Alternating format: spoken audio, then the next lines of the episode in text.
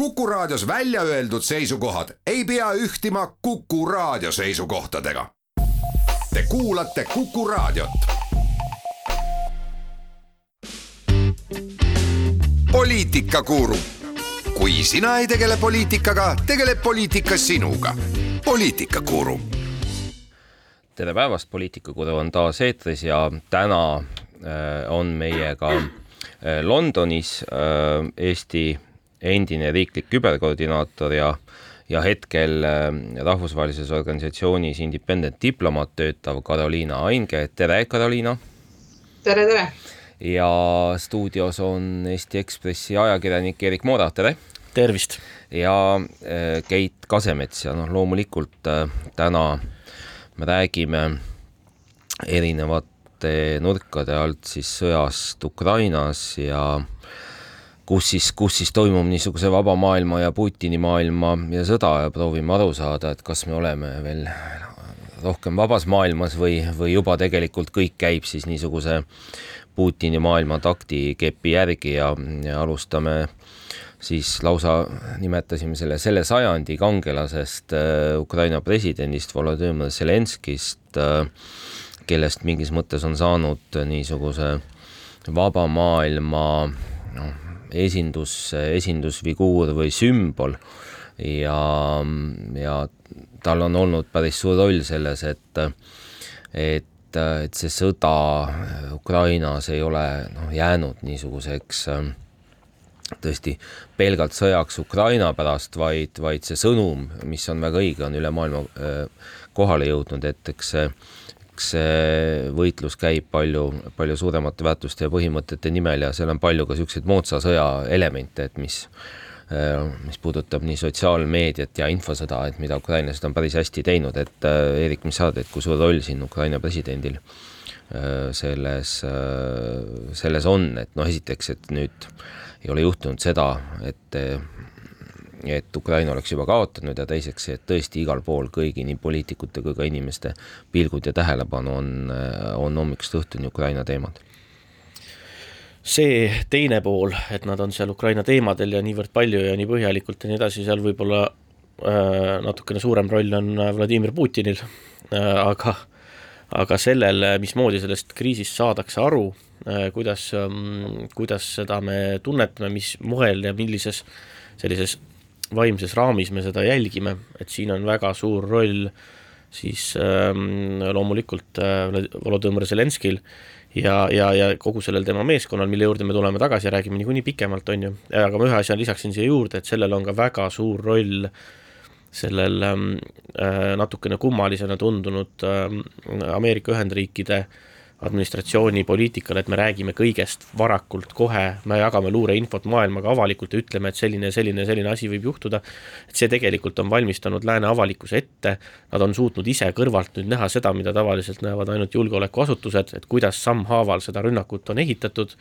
Ja nad on näinud, et selle, see on täiesti provotseerimata, põhjendamatu ja, ja noh, sõna otseses mõttes puhas kurjus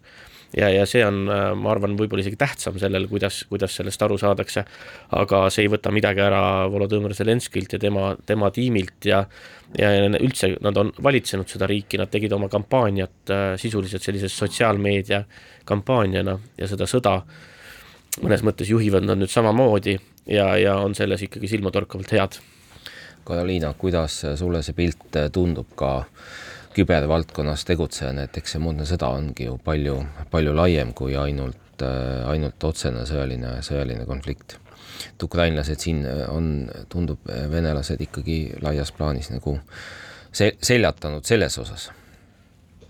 absoluutselt ja, ja siin kindlasti ei saa ala, alahinnata Zelenski rolli, et kui me, Zelenskist on saanud selline Ukraina kõige ähm,, Ukraina vastupanuvõime kehastus ja, ja läänes tajutakse seda väga tugevalt ja see, kui hästi suudab tema ähm, ukrainlaste äh, sõd, sõjas vastu panna, kui hästi suudab tema esineda, mõjutab tegelikult hetkel väga palju lääne avalikku arvamust. ja, ja see avalik arvamus võib olla tegelikult lõpuks määrav selles, kui palju NATO ja kui palju lääneriigid ja kui vara nad saavad selles sõjas sekkuda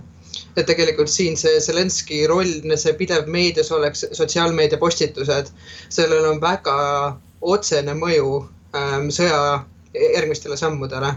kuid kübervaatest tõesti me, oli palju äh, hoiatusi, et, et see tuleb nüüd see sõda, kus me lõpuks näeme tõsiseid küberrelvi, kus me näeme ähm, mida venelased tegelikult suudavad naaberriigis teha, kui nad tahavad kogu oma küberarmee käiku lasta, kuid me ei ole seda seni näinud ja, ja me peame siin ühelt poolt kiitma ukrainlasi, kes tõesti on kaheksa aastat juba venelastega tegelikult sõjas olnud, kes on ähm, äh,, kes on väga võimekad kübervaldkonnas äh,. kuid, kuid on see hirm, et tegelikult äh, hullem võib veel olla ees. Äh, eks ta nii on ja et, äh, et noh, palju on siin olnud äh, ju Eesti erinevate ekspertide poolt analüüsi ka ja eks need ütleme siis arvamused lahknevad, et on neid, kes ütlevad, et tulem on ees, on neid, kes ütlevad, noh, et praktiliselt Venemaa on juba kohe-kohe kaotamas, et Ukrainal on läinud äh, väga hästi, et äh, kui sõda algas äh, Eesti Vabariigi siis saja neljandal aastapäeval, et siis me Eerikuga seda koos tähistasime, ainult istusime seal terve õhtu ninad telefonis ja, ja, ja vaatasime neid sündmusi ja siis tulid esimesed et USA luurehinnangud, et üheksakümmend kuus tundi on siis, on siis nüüd selleni, kui, kui Kiiev on võetud ja, ja, ja nädal umbes läheb selleks, et oleks siis valitsus ja režiimivahetus tehtud ja mõtlesime, et noh, et kindlasti Ukraina peaks kauem vastu pidama, et üldse oleks siin meil ka tulevikus mingi šanss ja no muidugi nii ei ole läinud, et see on nüüd üks asi, kus, kus USA luure on, on nagu täiesti eksinud, et mis seis siis täna selles sõjas on, kuidas me, kuidas me seda, kuidas me seda tänast olukorda näeme? Eerik mina ütleksin siis nii, et, et seis on tohutult palju parem, kui oli Putini plaan. seis on ka palju parem, kui oskasime siin meie loota. aga seis on halb. selles mõttes, et, et reaalselt tegelikult on ikkagi oma tohutu massiga, oma tulejõuga, peaaegu enda kontrolli all õhuruumiga, liigub Venemaa ikkagi praegu seni veel peale, ta hävitab reaalselt linnu, mille juurde ta on jõudnud, kurnab ukrainlasi, Ukrainat tervikuna, ta saab tuua vägesid juurde ja toobki. ja Ukraina tegelikult selle kõige sees, äh, ehkki väga-väga vapper ja, ja meie kõigi süda tuksub neile kaasa ja nii edasi, on tegelikult ikkagi rusudes, majanduslikult rängalt haavatud, suurt osa territooriumist ei kontrolli ja nii edasi. et tegelikult ikkagi mm, on isegi, kui äh, Venemaa kiiresti juhtumisi, ütleme, et on siis meie see Äh, mingisugune selline mm, helesinine unistuse stsenaarium täituks, äh, mis oleks see, et, et äh, Venemaa kiiresti tõrjutakse välja või ühesõnaga kuidagi kiiresti läheb taandumislahingutesse ja nii edasi, sõja, sõja, see arengujoon muutub, siis tegelikult on sellel ikkagi väga rängad tagajärjed Ukraina jaoks pikaks ajaks. Kataliina ja, ja me näeme, et siin tegelikult hästi teadlikku strateegiat, nagu Eerik ütles, Ukraina rahvast kurnata. venelastel on see võimalus aeglaselt piirata, neil on võimalus oma eesliinil ähm, sõjaväelasi välja vahetada, lasta osadel puhata, tuua uusi peale. et venelastel on siin võimalusi, mida ukrainlastel ei ole. ja, ja selleks, et selles sõjas nüüd mingi murdepunkt peaks toimuma ja, ja venelane lõpetaks ukrainlaste kurnamise, nende tapmise läbi peab tegelikult Putini jaoks rahvusvahelises plaanis mingi kalkulatsioon muutuma. Ähm, ja mis on tegelikult äh, päris selline hirmutav väljavaade. ma olen ka tegelikult ikkagi väga skeptiline, et, et tõesti, et Putinil ei ole, ei ole olnud niisugust võimu Ukrainat vallutada, aga aga noh, seis on ikka väga kehva, et kui me vaatame praegu, mis seal Mariupolis toimub või mis on Harkivi seis, et kus, kus reaalselt ikkagi inimesed on ju pommirahe all elavad ilma vee, elektrit ja kõigeta, et selgelt niisugune on ka humanitaarkatastroof praktiliselt tuleb ka rõhutada seda, et ja... et tuleb ka rõhutada seda, et Vene piirajad ei ole võimaldanud Mariupolist äh, inimestel põgeneda, äh, ehk siis teha seda humanitaarkoridori. no nii ongi, milles nagu läbirääkimistel eile venelaste ja, ja ukrainlaste vahel nagu lepiti kokku, aga eks siis need eelnevad kogemused muidugi ka nende humanitaarkoridoride osas, mis kaks tuhat neliteist kokku lepiti, kõige niisugused positiivsemad ei ole, nii et noh, see laiem seis on ikkagi kehva, nii et läheme siit lühikesele pausile pausile ja siis äh, tuleme selle juurde tagasi, et, et äh, mida see siis üldse tähendaks, et äh, kui me räägime sellest, et Ukraina võiks selle sõja, sõja võita, et mis, mis see päriselt siis Ukrainale tähendaks? poliitikakuru, kui sina ei tegele poliitikaga, tegeleb poliitika sinuga. poliitikakuru Eerik Mooda, Karoliina Ainge ja Keit Kasemets on stuudios tagasi ja jätkame oma juttu siis Ukraina sõjast ja, ja räägime veidi sellest, et äh, noh, siin on niisuguseid positiivseid, äh, positiivseid äh, hüüdeid ikka kuulda nii, nii Eestis kui ka ukrainlaste poolt, et Ukraina võidab selle sõja, et võib-olla arutame natuke, mida see üldse tähendab, et olukorras, kus kus ikkagi nagu suur osa siis sellest territooriumist, mis oli varem siis nende või noh, see territoorium ongi, mis varem oli rahvavabariikide käes, on, on selgelt Venemaa kontrolli all ja mitmed teised, teised linnad ka ja et mida see, mida see Ukraina võit, see päris positiivne stsenaarium päriselt ikkagi võiks siis üldse tähendada? jah et äh, ühesõnaga, me jätame kõrvale siis ühe ka praeguseks päris tõenäolise stsenaariumi, mis tähendaks seda, et Venemaa on edukas. Ehk siis see on see, et tal õnnestubki äh, Kiiev vallutada, oma see nukuvalitsus sinna asemele toppida, äh, eliidist arvestatav osa tuleb ilmselt hävitada, teist varianti sellel nukuvalitsusel seal üldse toimida ei, ei saa olla, jätame selle variandi kõrvale, selle halva variandi, mida loodetavasti tõesti on ju ei juhtu, ja arutame neid variante, et kui Venemaa kukub läbi et mis siis saab või mis, mismoodi see siis äh, välja võib näha. ja, ja see on äh, ühesõnaga ongi, see minu sõnum ongi see, et ka need on ikkagi nagu Ukraina jaoks väga sünged. kui, kui vaadata, kuidas on sellised asjad äh, erinevates riikides käinud, kui Venemaa kaotab sõjalise initsiatiivi, peab hakkama taanduma, on laias laastus kaks varianti, üks on see, et, et esiteks muutub ta siis avatuks vaherahu äh, Äh, tegemisele selles, nendes positsioonides ja nendes piirides, kus ta sellel hetkel asub. ja igal juhul on see Ukraina jaoks suur kaotus, sest et on selge, et ta on tunginud juba tunduvalt äh, ja pikalt edasi ja hakatakse selle üle läbi rääkima ja Ukraina jääb äh, lõhutuks, killustatuks, sellisel juhul de facto vähemalt pikaks ajaks jääb väga suured sisepinged jäävad äh, partisanisõja mingisugused ilmingud ja nii edasi, selline militariseeritud, kriisis ja lagunenud ühiskond, äh, mis on äh, investeerimise ja majanduse seisukohalt ju täiesti nagu lootusetu asi. teine variant on, on ju see, et Ukrainal las-, Ukraina tungib peale ja surub Venemaa välja, selline väga optimistlik ja sõjakas Venemaa väed välja siis siin see eeldab seda, et äh, sellise dünaamika tekkides äh, Venemaa ei tee midagi nagu julmemat ja mõeldamatut, millele selgelt me ju kuuleme, et Putin loob eeldusi praegu, ta, ta ju reaalselt äh, loob eeldusi väga ränkade relvade kasutamiseks, rääkides ähvardustest, pidevad jutud sellest, et Ukraina tegi tuumarelva, täna esines siis nende üks võimalikke nukuvalitsuse juhte, Mikola Azarov, Vene käpiknukk Vene meedias avaldusega, et NATO plaanis sellel suvel tuumarünnakut Venemaa vastu Ukrainast, et selle ärahoidmiseks pidigi Putin sekkuma. Ja, ja nii edasi, et, et ja see, see ei pea olema tuumarelv tingimata, et neid masshävitusrelvi ja, ja erilisi julm, julmi tegevusi, võimalusi on väga palju veel, et ukrainlaste seda vastupanu murda või peatada seda dünaamikat, lõpetada viitsimist, vabandust, mitte viitsimist, aga seda nagu sõdimise jõudu või tahet ja küsimus on ka, mida Lääs sellisel olukorras teeb, kus Ukrainal on initsiatiiv, ta surub peale ja keeldub vaherahust näiteks. et ma kardan, et Lääs ütleb, et, äh, et tuleb rahu teha ja nii edasi, et ja, ja, ja see, see omakorda tähendab seda, et, et, et jääb pikkadeks aegadeks vinduma see konflikt sinna, ma praegu rohkem sellest ei räägikski, kõige optimistlikumast variandist ma veel ei räägi, võib-olla jõuame sinna ka.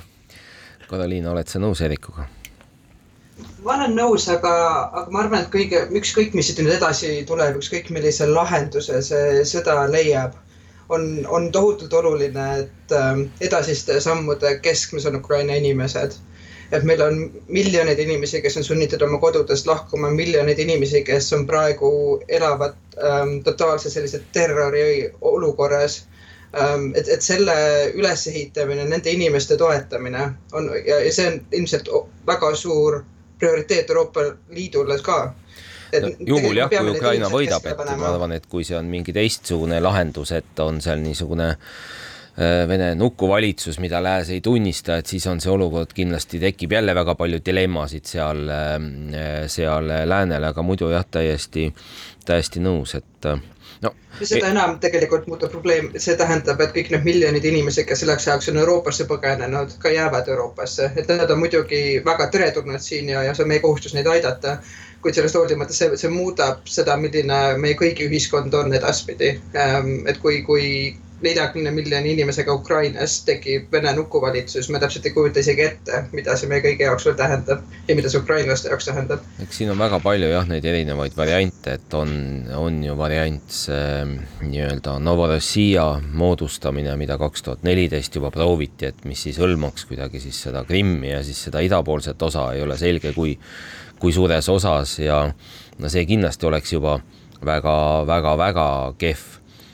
variant Ukrainale ja võib-olla tõesti kõige positiivsem on see, et ukrainlastele jääb siis tegelikult hävitatud riik. Ja suuresti, sest kui me praegu vaatame seda venelaste taktikat, siis sest linnadest jääb ikkagi väga vähe järele, sellest infrastruktuurist jääb väga vähe järele ja siis eh, osad alad on ikkagi kaotatud, aga räägime siis sellest, et mida, mida siin lääs nüüd üldse teha saab, et seda sõjakäiku muuta, et praegu me oleme kuidagi võtnud selle hüpoteesi, et, et ukrainlased seal üksi kuidagi võitlevad ja, ja sõdivad äh, Putiniga, et täna enne nüüd äh, meie saade toimub varem, et täna toimub ka palju olulisi kohtumisi veel äh,. praktiliselt esmakordne äh, juhus, kus siis äh, Euroopa Liidu välisministrite kohtumisel osalevad ka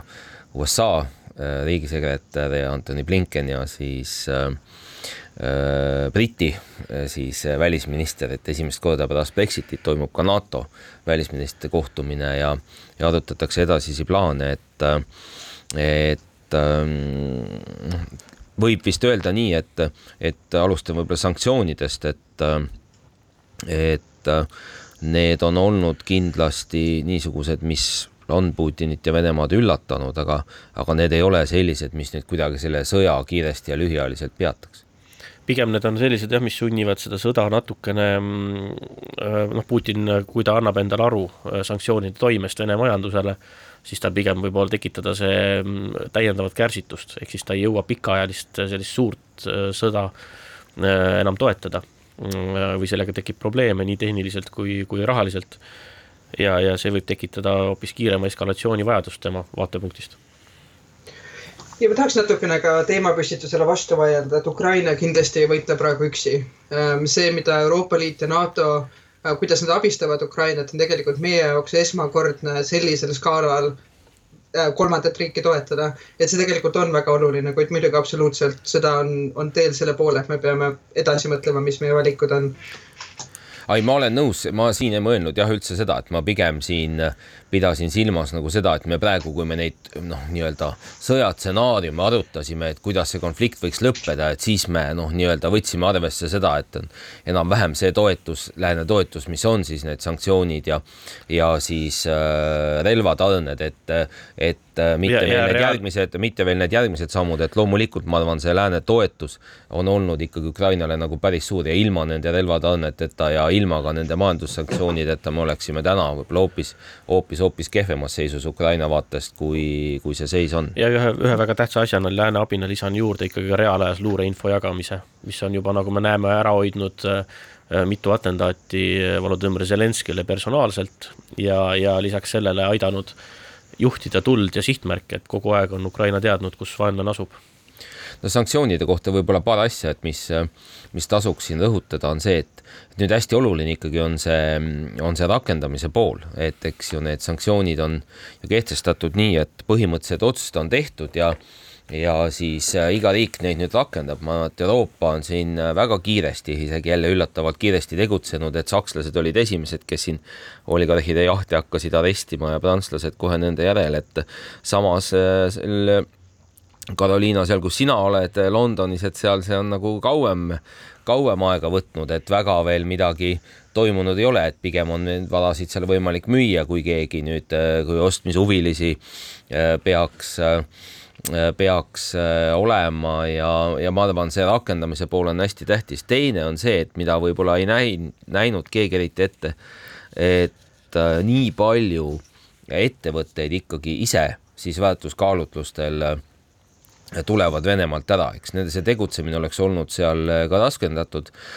Aga see on võib-olla isegi suure, noh, on ka päris suur äh, niisugune löök Äh, tavalisele Venemaa inimesele, et see ikkagi tähendab seal, ma arvan, sadade tuhandete töökohtade kaotust juba, kui kõik need tehased, tehased kinni pannakse. Ja muidugi tähendab ka seda, et inimesed ei saa enam neid kaupu tarbida, mida, mida nad varem noh, kus puudutab lääneautosid või, või, või telefone või mida iganes, mida nad varem olid, olid harjunud tarbima ja, ja praktiliselt teatavasti vast ei saa ka kuhugi lennata Venemaalt välja, sest lennud enam ei ole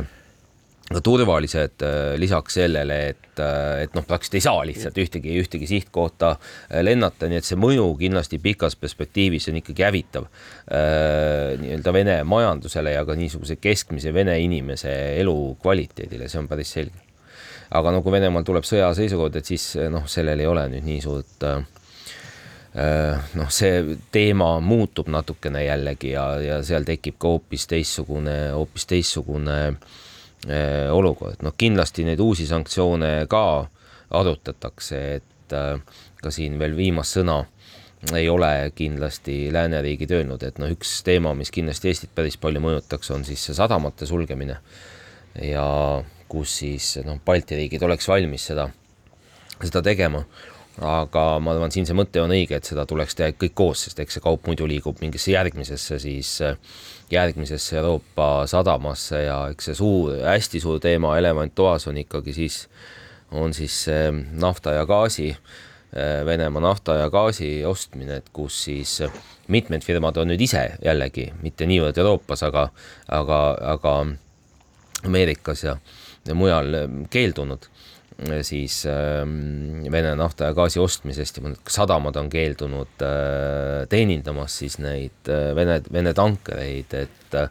aga siin täna siiski, siiski veel see gaas ja energia liigub, et kas see peaks nii jääma või, või me ikkagi peaksime rääkima sellest, et et Euroopa enam ei osta Vene, Vene gaasi ja, ja, ja naftat. Eerik. absoluutselt, me peame. Karoliina, palun, palun absoluutselt, me peame rääkima sellest, et Euroopa ei ostaks enam ja see, ma oleks pidanud sellest rääkima juba kakskümmend aastat tagasi ja meil oli hädavajalik sellest rääkida kaheksa aastat tagasi. aga ometi me oleme ikkagi siin, kus me oleme. Ähm, sanktsioonid vajavad aega, et töötada. Äh, see on selge, need sanktsioonid, need töötavad. me, need pitsitused Vene ühiskonnal on hetkel väga tugevad. kuid kas meil on hetkel see aeg, et oodata kui palju meil on aega, et oodata, kui palju me laseme Ukrainat hävitada, oodates, et sanktsioonid äh, vaatame, kas praegused töötavad, et need on need keerulised küsimused, mis tegelikult praegu otsustajatel laual on. Eerik. no jah, ei, ma arvan, et see arutelu lähebki edasi, eile peale äh, kõnet. äh, Äh, Putiniga järjekordselt äh, ütles Macron äh, ka selgelt, et, et pooldab veel täiendavaid sanktsioone ja, ja rakendamist, et seal ei ole näha mitte mingisuguseid järelemõtlemise või, või, või tagasitõmbamise või kompromissi otsimise märke, mis on nagu loomulikult meile väga halb ähm, asi, aga asi, mida me peame siin nagu arutama või nendest sanktsioonidest veidike edasi mõtlema, on ka see, et, ähm, et tegelikult päris paljude sammude Äh, tõttu on tekkinud äh, niisugune tunne või arvamus ja ma ei tea, kas seda jagavad ka lääne nagu pealinnad ja, ja julgeolekuasutused,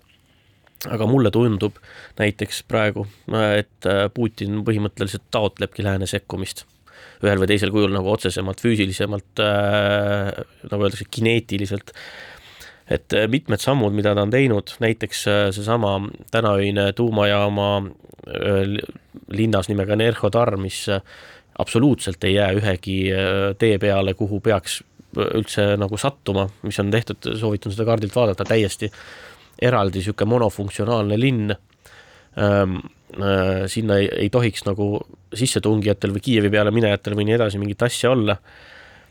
Siis seesama algne Tšernobõlis sonkimine äh,, elu, elurajoonide, haiglate pommitamine, humanitaarkoridoride keelamine seal, kus see on nende võimuses ehk antud juhul Mariupoli juures äh, sest mujal on veel võimalik linnadest sisse-välja liikuda, ei ole humanitaarkoridori järgi vajadust nii suurt, siis, siis see on sammud provotseerimaks üht või teistviisi lääne sekkumist. Ja ma ei oska öelda, kas see on see, võiks olla teoreetiliselt sellepärast, et et ta tahabki suurt sõda läänega või siis lihtsalt ta tahab, vajab kodus õigustust, et näidata, et jutud sellest, et Venemaad lääs ründab, on tõepõhi all. Ja võib-olla on isegi see ka põhjus, miks äh, nii iga võimalust kasutab äh, Ameerika jälle taaskord selleks, et öelda, et me ei kavatse sekkuda, on jälle, et, et see loob avalikkusele sellise teadmise ja fooni, et, et mis iganes konflikt tuleb, siis selle initsieerib sihilikult Venemaa aga noh, see on, see on nagu sissejuhatus sellele, et me võiksime arutada, kas meil on läänel mingeid võimalusi äh, reaalselt ja füüsiliselt äh, kuidagi seda sõjakäiku ka mõjutada, nii nagu meil siin on küsimusi tõstetud. ja kohe hakkamegi seda teemat, äh, teemat arutama, sest eks ta selge on, et need sanktsioonid töötavad, aga samas, kui jälgida ka rahvusvahelist meediat, et noh, päris paljudel poliitikutel on seal olnud väljaütlemised, et noh, nüüd me oleme ikkagi pannud niisugused sanktsioonid ja nüüd äh, Putin on kohe põlvili ja, ja midagi muud me rohkem tegema ei pea, et ma arvan, see on muidugi ka niisugune noh, ütleme kujutelm, mis, mis päriselt sellest päris olukorrast on, on päris kaugel ja pärast pausi arutamegi siis seda, et mida Lääs veel Ukraina aitamises saaks äh, teha poliitikakuru. kui sina ei tegele poliitikaga, tegeleb poliitika sinuga. poliitikakuru. tere taas, Karoliina Ainge, Eerik Moora ja Keit Kasemets on stuudios tagasi, räägime sõjast Ukrainas ja jätkame nädala numbriga, milleks siis me valisime kaks tuhat seitsesada. just nii palju õhutõrjerakette otsustas nüüd siis Saksamaa eile saata Ukrainale, see on siis lisaks juba siis tuhandele tankitõrjeraketile ja viiesajale siis veel õhutõrjeraketile Stinger, mida Saksamaa juba on, on annetanud ja, ja, ja kõik need otsused on siis praktiliselt tulnud siin nädala aja jooksul sellest hetkest, kui kui, kui Saksamaa radikaalselt muutis oma poliitikat, et nad surmaid relvi äh, ei saada konfliktikolletesse ja, ja, ja sellele on siis lisandunud kõikide teiste Euroopa riikide otsused ja ka Euroopa Liidu niisugune ajalooline otsus siis ka Euroopa Liidu eelarvest rahastada äh, surmavat sõjalist abi, mida siis Ukrainasse, Ukrainasse saadetakse, et siin vist saab, äh, saab selgelt öelda, et, äh, et Euroopa Liit on siin selles, selles kriisis ennast äh, ennast ikkagi toonud nende otsustega vähemalt USA kõrvale selle kriisi, kriisi lahendamisel ja, ja päris, päris mõjukaks, mõjukaks mängijaks, mis on ka noh, arusaadav, sest, sest ütleme, mitmetel Euroopa Liidu riikidel on ju väga-väga mitmetel on ju Ukrainaga ka piir, aga kas, kas see on piisav? Ja arutame veidi, et et mida siis veel, mida siis veel Euroopa Liit saab teha Eerik? jah, noh, elevant äh, äh, keset elutoa söögilauda on äh, loomulikult küsimus, et kas Euroopa Liit kuidagi nagu ise otseselt ühel või teisel moel sõjaliste või relvajõududega Ukraina pinnal saaks sekkuda või ei saaks, et see on nagu see suur küsimus, mille üle siin see vaidlus käib. et enne seda veel, kui sellest rääkida, siis üks asi, mida kindlasti peaks praegu tegema, ja, ja, ja, ja mõtlema ja ma ei tea, mis siin need kiired lahendused on. aga on ikkagi see, et tuleb teha mingeid ebanormaalseid ja eba, eba,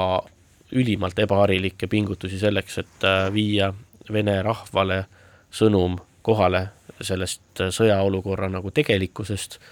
ja sellest, et äh, et sanktsioonid ei ole suunatud Vene rahva vastu, vaid vastupidi, meil on kahju, et, et see, need olud on nagu vältimatud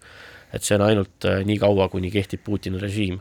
et seda hoiakut on äh, Vene ajupestud inimestele kindlasti äh,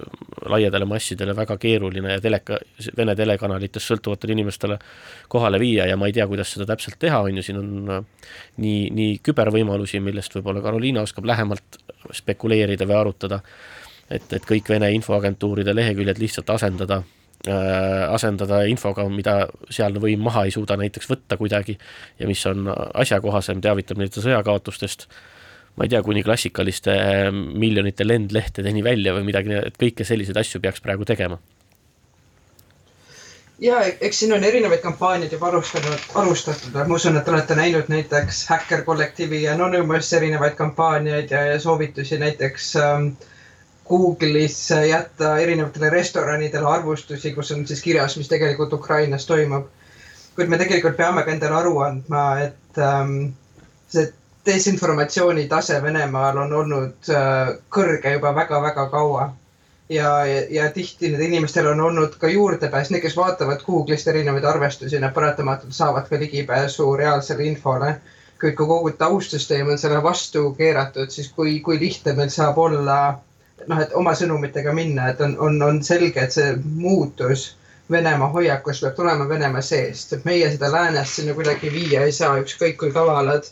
äh, me ka selles ei ole ähm,. et ma arvan, et see on nagu hästi oluline, tegelikult me peame praegu toetama opositsiooni Venemaal, sest see, need muutused saavad tulla ainult Venemaa seest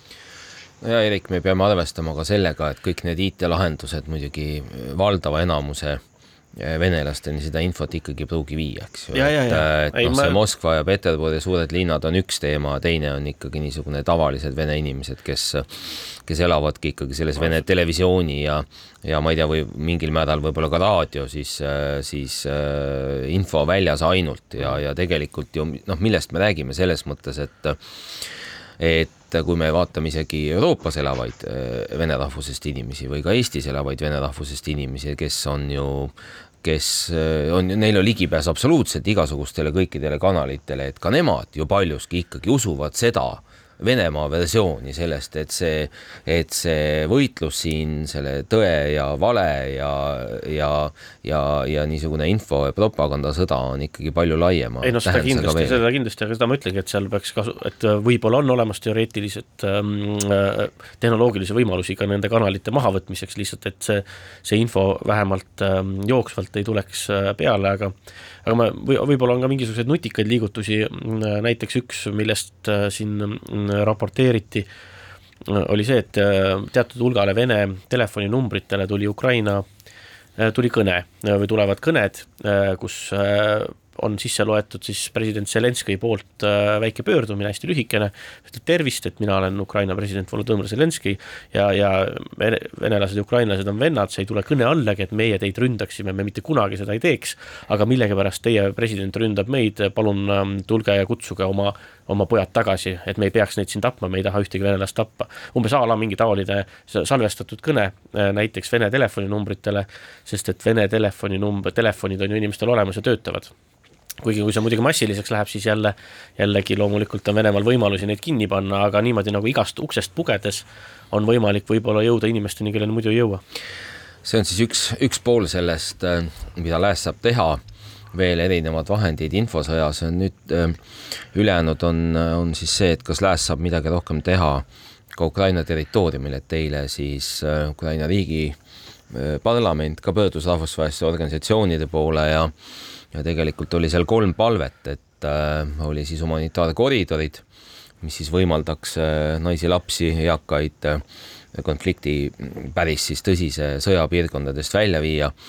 siis lennukeelutsoon ja siis ka rahuvalvajad Ukrainasse, et et noh, täna ilmselgelt noh, Venemaa ei toeta ühtegi nendest Ukraina äh, palvetest, et äh, et see humanitaarkoridor ei ole ka midagi niisugust, mis oleks kuidagi rahvusvaheliselt turvatud, vaid see oleks pigem siis nagu kahe konflikti poole vahel ise kokku lepitud ja noh, lennukeelutsoonist ja, ja rahuvalvajatest me täna üldse ei räägi, et mida see võib-olla Eesti kontekstis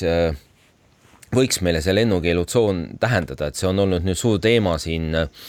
ühiskondlikes aruteludes ka ja noh, Eesti täna on ju selgelt võtnud niisuguse poliitilise liini, et äh,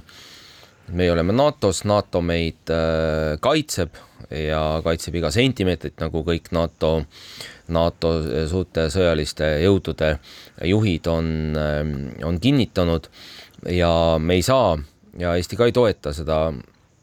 lennukeelitsooni kehtestamist selle tõttu, et, et see võib tähendada äh, ikkagi sõjalist, sõjalist rünnakut ähm, ka siis NATO riikide, sealhulgas äh, Eesti vastu, et kas siis tavarelvadega või ka siis, äh, või ka siis äh, taktikaliste tuumarelvadega, et äkki räägime need võimalused veidi lahti, et on see, on see Eesti, Eesti seisukoht õige? Karoliina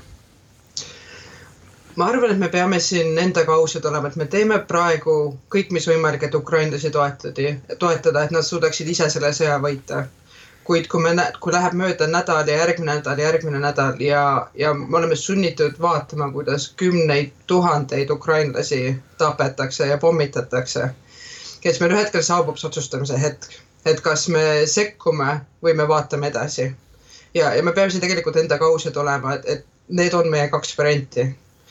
me, me sanktsioonid, kõik see ja toetus on väga hea, kuid need kaks varianti on lõpuks need, mis meil on laual. Putin on, on seda sõda alustades ähm, tal on kaks tugevat eeldust. esiteks, et lääs ei riski otsese sõjalise ähm, kokkupõrkega Venemaaga, ta õppis seda Süüriast, on seda mujal õppinud. Ja teiseks, et lääs tolereerib seda, kui Venemaa liidab endaga naaberriikide territooriume, mida ta õppis Gruusias ja mida ta õppis kaks tuhat neliteist juba Ukrainas. ja kui me suudame neid kahte eeldust, eeldust hakata mõjutama, öeldes kasvõi, et see lennukeeluala võib ühel hetkel lauale tulla juba see võib saata sõnumi äh, Venemaa juhtkonnale, et need kaks eeldust ei pea enam. Et, et lääs on valmis siin võtma suuremaid riske ja, ja võib-olla nagu nende eelduste mõjutamine on see, mis sunnib ka Putinit oma strateegiat ümber mõtlema jah, ei, ma sellega ei vaidle isegi vastu, et äh, seda võimalust õhus hoidma teoreetiliselt peaks. aga lihtsalt võib-olla on siin vaja natukene sellist ähm, lihtsalt nagu sellist lihtsat seletust äh, korra, et, et mis selle lennukeelutsooni äh, probleemiks äh, tegelikult on ja miks ei, miks see lääne vaatest on seni mm, ka niimoodi retooriliselt avalikult kogu aeg välistatud mm,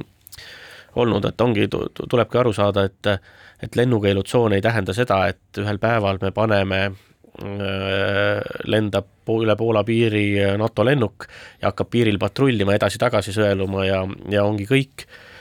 Et äh, lennukeelutsoon on asi, mida vältimatult tuleb jõustada, see on asi, mida tuleb, ähm,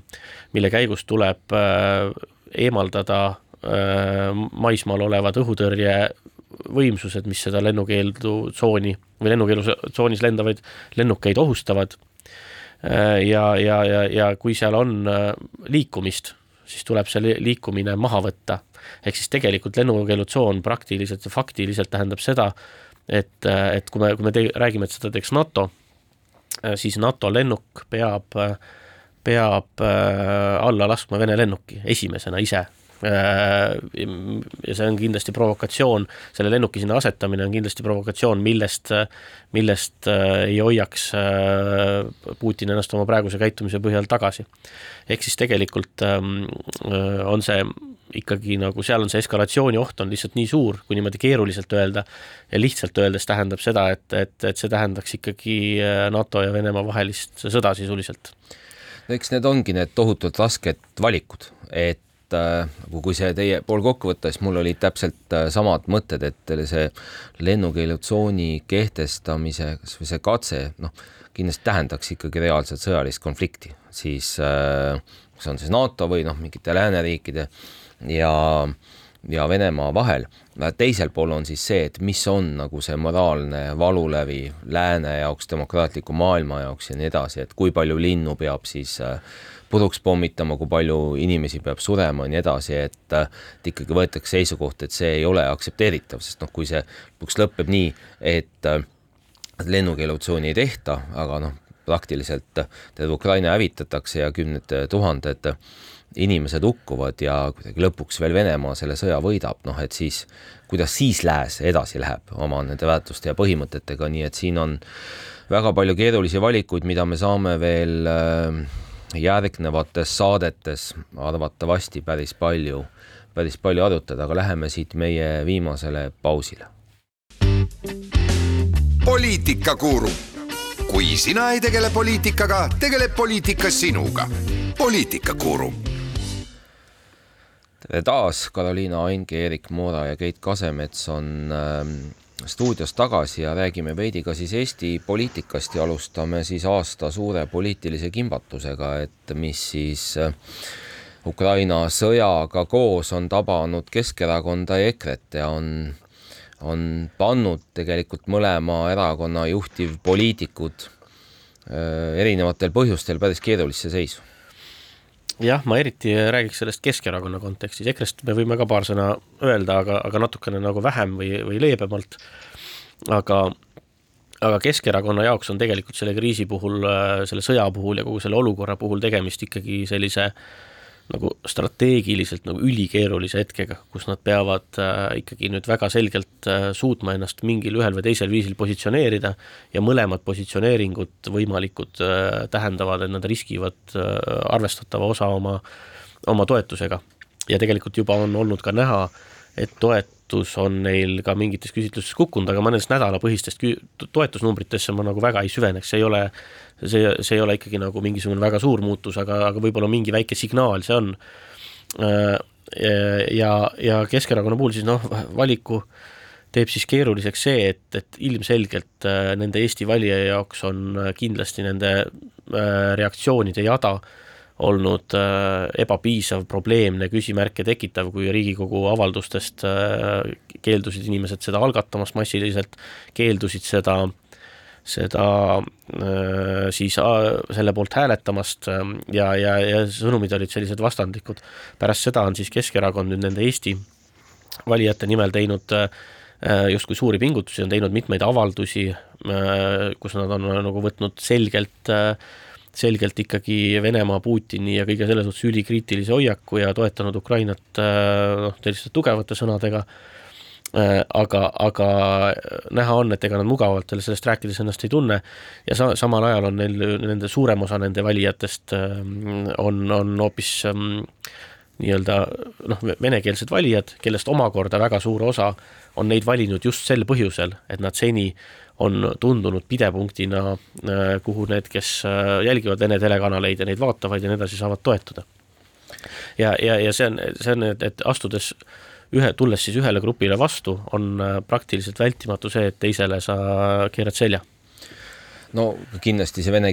telekanalite nii-öelda piiramine äh, Just. juba mõjutab päris palju nagu Keskerakonna siis äh, valijaid ka selles osas, et kuidas Keskerakonna sõnumid üldse jõuavad nende, nende valijateni. üks on ja... Keskerakonna sõnumid, aga tegelikult ta lihtsalt pahandab neid valijaid, on väga palju inimesi, kes näpivad oma telekapulti, neid, kes on harjunud kaheksa-üheksa tundi vaatama. ja, ja peavad vaatama seda CNN-i valeinfot sealt just, nüüd, nii just, nagu need just, ütlevad. sa, no info isegi infoks, aga sul ka kadusid ära su sarjad, su meelelahutused, mingisugused asjad ja see ja siis sa mõtled, et seda tegi valitsuses olles Keskerakond, keda ma olen seni valinud, siis noh, A, ma olen väga vihane või variant B on see, et ma vähemalt olen nagu täiesti ükskõikne nende suhtes edaspidi. et, et, et see on see suur äh, risk Keskerakonnale ja ma näen, et nii Keskerakond kui EKRE, kes on tegelikult mõlemad flirtinud mingite positsioonidega, mis sellisele Eesti üldsusele võivad olla ebamugavad või, või tunduvad lausa ohtlikud ma arvan, et nüüd selle sõja raames on saabunud see hetk, kus nad, nagu Erika ütles, nad peavad oma need sisemised vastuolud ära lahendama, nad peavad jõudma mingi selge positsioonini. ja see, see muudab sellist nagu Eesti poliitilist maastikku, kui mitte midagi ei muuda seda nii palju, kui see sõda, mis meid, meid ümbritseb. ja tegelikult see on see, mis muudab kalkulatsiooni järgmise aasta jooksul ning see on see tegelikult, millega e-, erakonnad peavad aru saama, et meie ühiskond on muutuses ning kogu meie olu, riigi olukord on nii kardinaalses muutumises, et mida kiiremini me sellest aru saame, seda parem Eestile no EKRE puhul võib ikkagi ka seda öelda, et ärme siis nii pikalt sellel peatu, et saade saabki kohe varsti ka läbi, et eks ka neil on siin ikkagi päris palju dilemmasid, et äh, et noh, kui see kogu nende retoorika varem on ju olnud üles ehitatud sellele, et Euroopa Liidust ei ole mingit kasu, et see pigem, pigem niisugust Eesti iseseisvust kaotab või ahistab või ongi selle juba kaotanud ja NATO on ka võrdlemisi mõttetu ja, ja mindud kaasa selle niisuguse ega USA paremäärmusliku äh, retoorikaga ja, ja sõimatud Joe Bidenit, et siis, siis noh, täna sellel äh, retoorikal seda kandepinda on ikkagi oluliselt, oluliselt vähem, et kui nüüd neid EKRE sõnavõtte vaadata, et siis Äh, siis nii-öelda erakonna juhid on, on nagu ennekõike rääkinud sellest iseseisva kaitsevõime suurendamise vajadusest ja jätnud üldse selle NATO ja Euroopa Liidu kõrvale, aga mingid niisugused radikaalsed äh, molekulid seal nagu, nagu Urmas Reitelmann ja niisugused radikaalsemad tegijad, et on ikkagi ka seal vähemalt sõjapõgenike niisuguste hoiat-, eest hoiatamisega ikkagi vähemalt uutesse uudistesse ja objektiivi jõudnud, et. jah, ega seda masinavärki nii kiirelt ümber ei keela, keera aga ongi EKRE puhul on ka see, et ähm, ma ei räägi nüüd nagu nende toetajatest, kelle seas on igasuguseid inimesi ja väga palju ähm, erineva taustaga aga, aga EKRE-l on see, üks nende tugevusi on just olnud see nagu see sotsiaalmeedia aktiiv, see kõige nagu selline netiaktiiv, kes kõige peale viskub, kõikjal võitleb ja teeb ja nii edasi. ja see aktiiv oma põhivaadetes on tegelikult ikka väga palju olnud mõjutatud äh, sellest samast Venemaa meediast, sealt edastatud sõnumitest nii Euroopa Liidu osas, koroona osas, vaktsiinide osas ähm, äh,, kõikides nendes jah. küsimustes ja nii edasi. ja, ja selles grupis on kindlasti äh, segadust praegu päris palju ja, ja EKRE-l nende nagu sellise tulihingelise toetuse kuidagi kaotamine äh, tähendaks ka seda, et nad kaotavad ühe oma suuremaid tugevusi, et nad suudavad tekitada tunde, et seda EKRE-t on igal pool hästi palju. No nii see on, nii et äh, jääb ainult üle nõustuda sellega, mida Karoliina ütles, et kahele erakonnale siin niisugust äh, järelemõtlemist on, on päris palju ja, ja loodame, et nad teevad õiged ja, ja Eestile, Eesti vaatest ka õiged, õiged otsused, et oleme mõtetes kõik ukrainlastega Ukrainas, Ukraina meestega, kes võitlevad rindel ja ja naiste ja lastega, kes, kes sõja eest varjuvad, proovime neid niivõrd kui, kui saame aidata, ma arvan, Eesti on siin teinud väga palju ja loodame, et meie järgmise nädala saade on äh, juba veidi positiivsemates äh, nootides. head päeva ja olge terved! poliitikakuru, kui sina ei tegele poliitikaga, tegeleb poliitika sinuga. poliitikakuru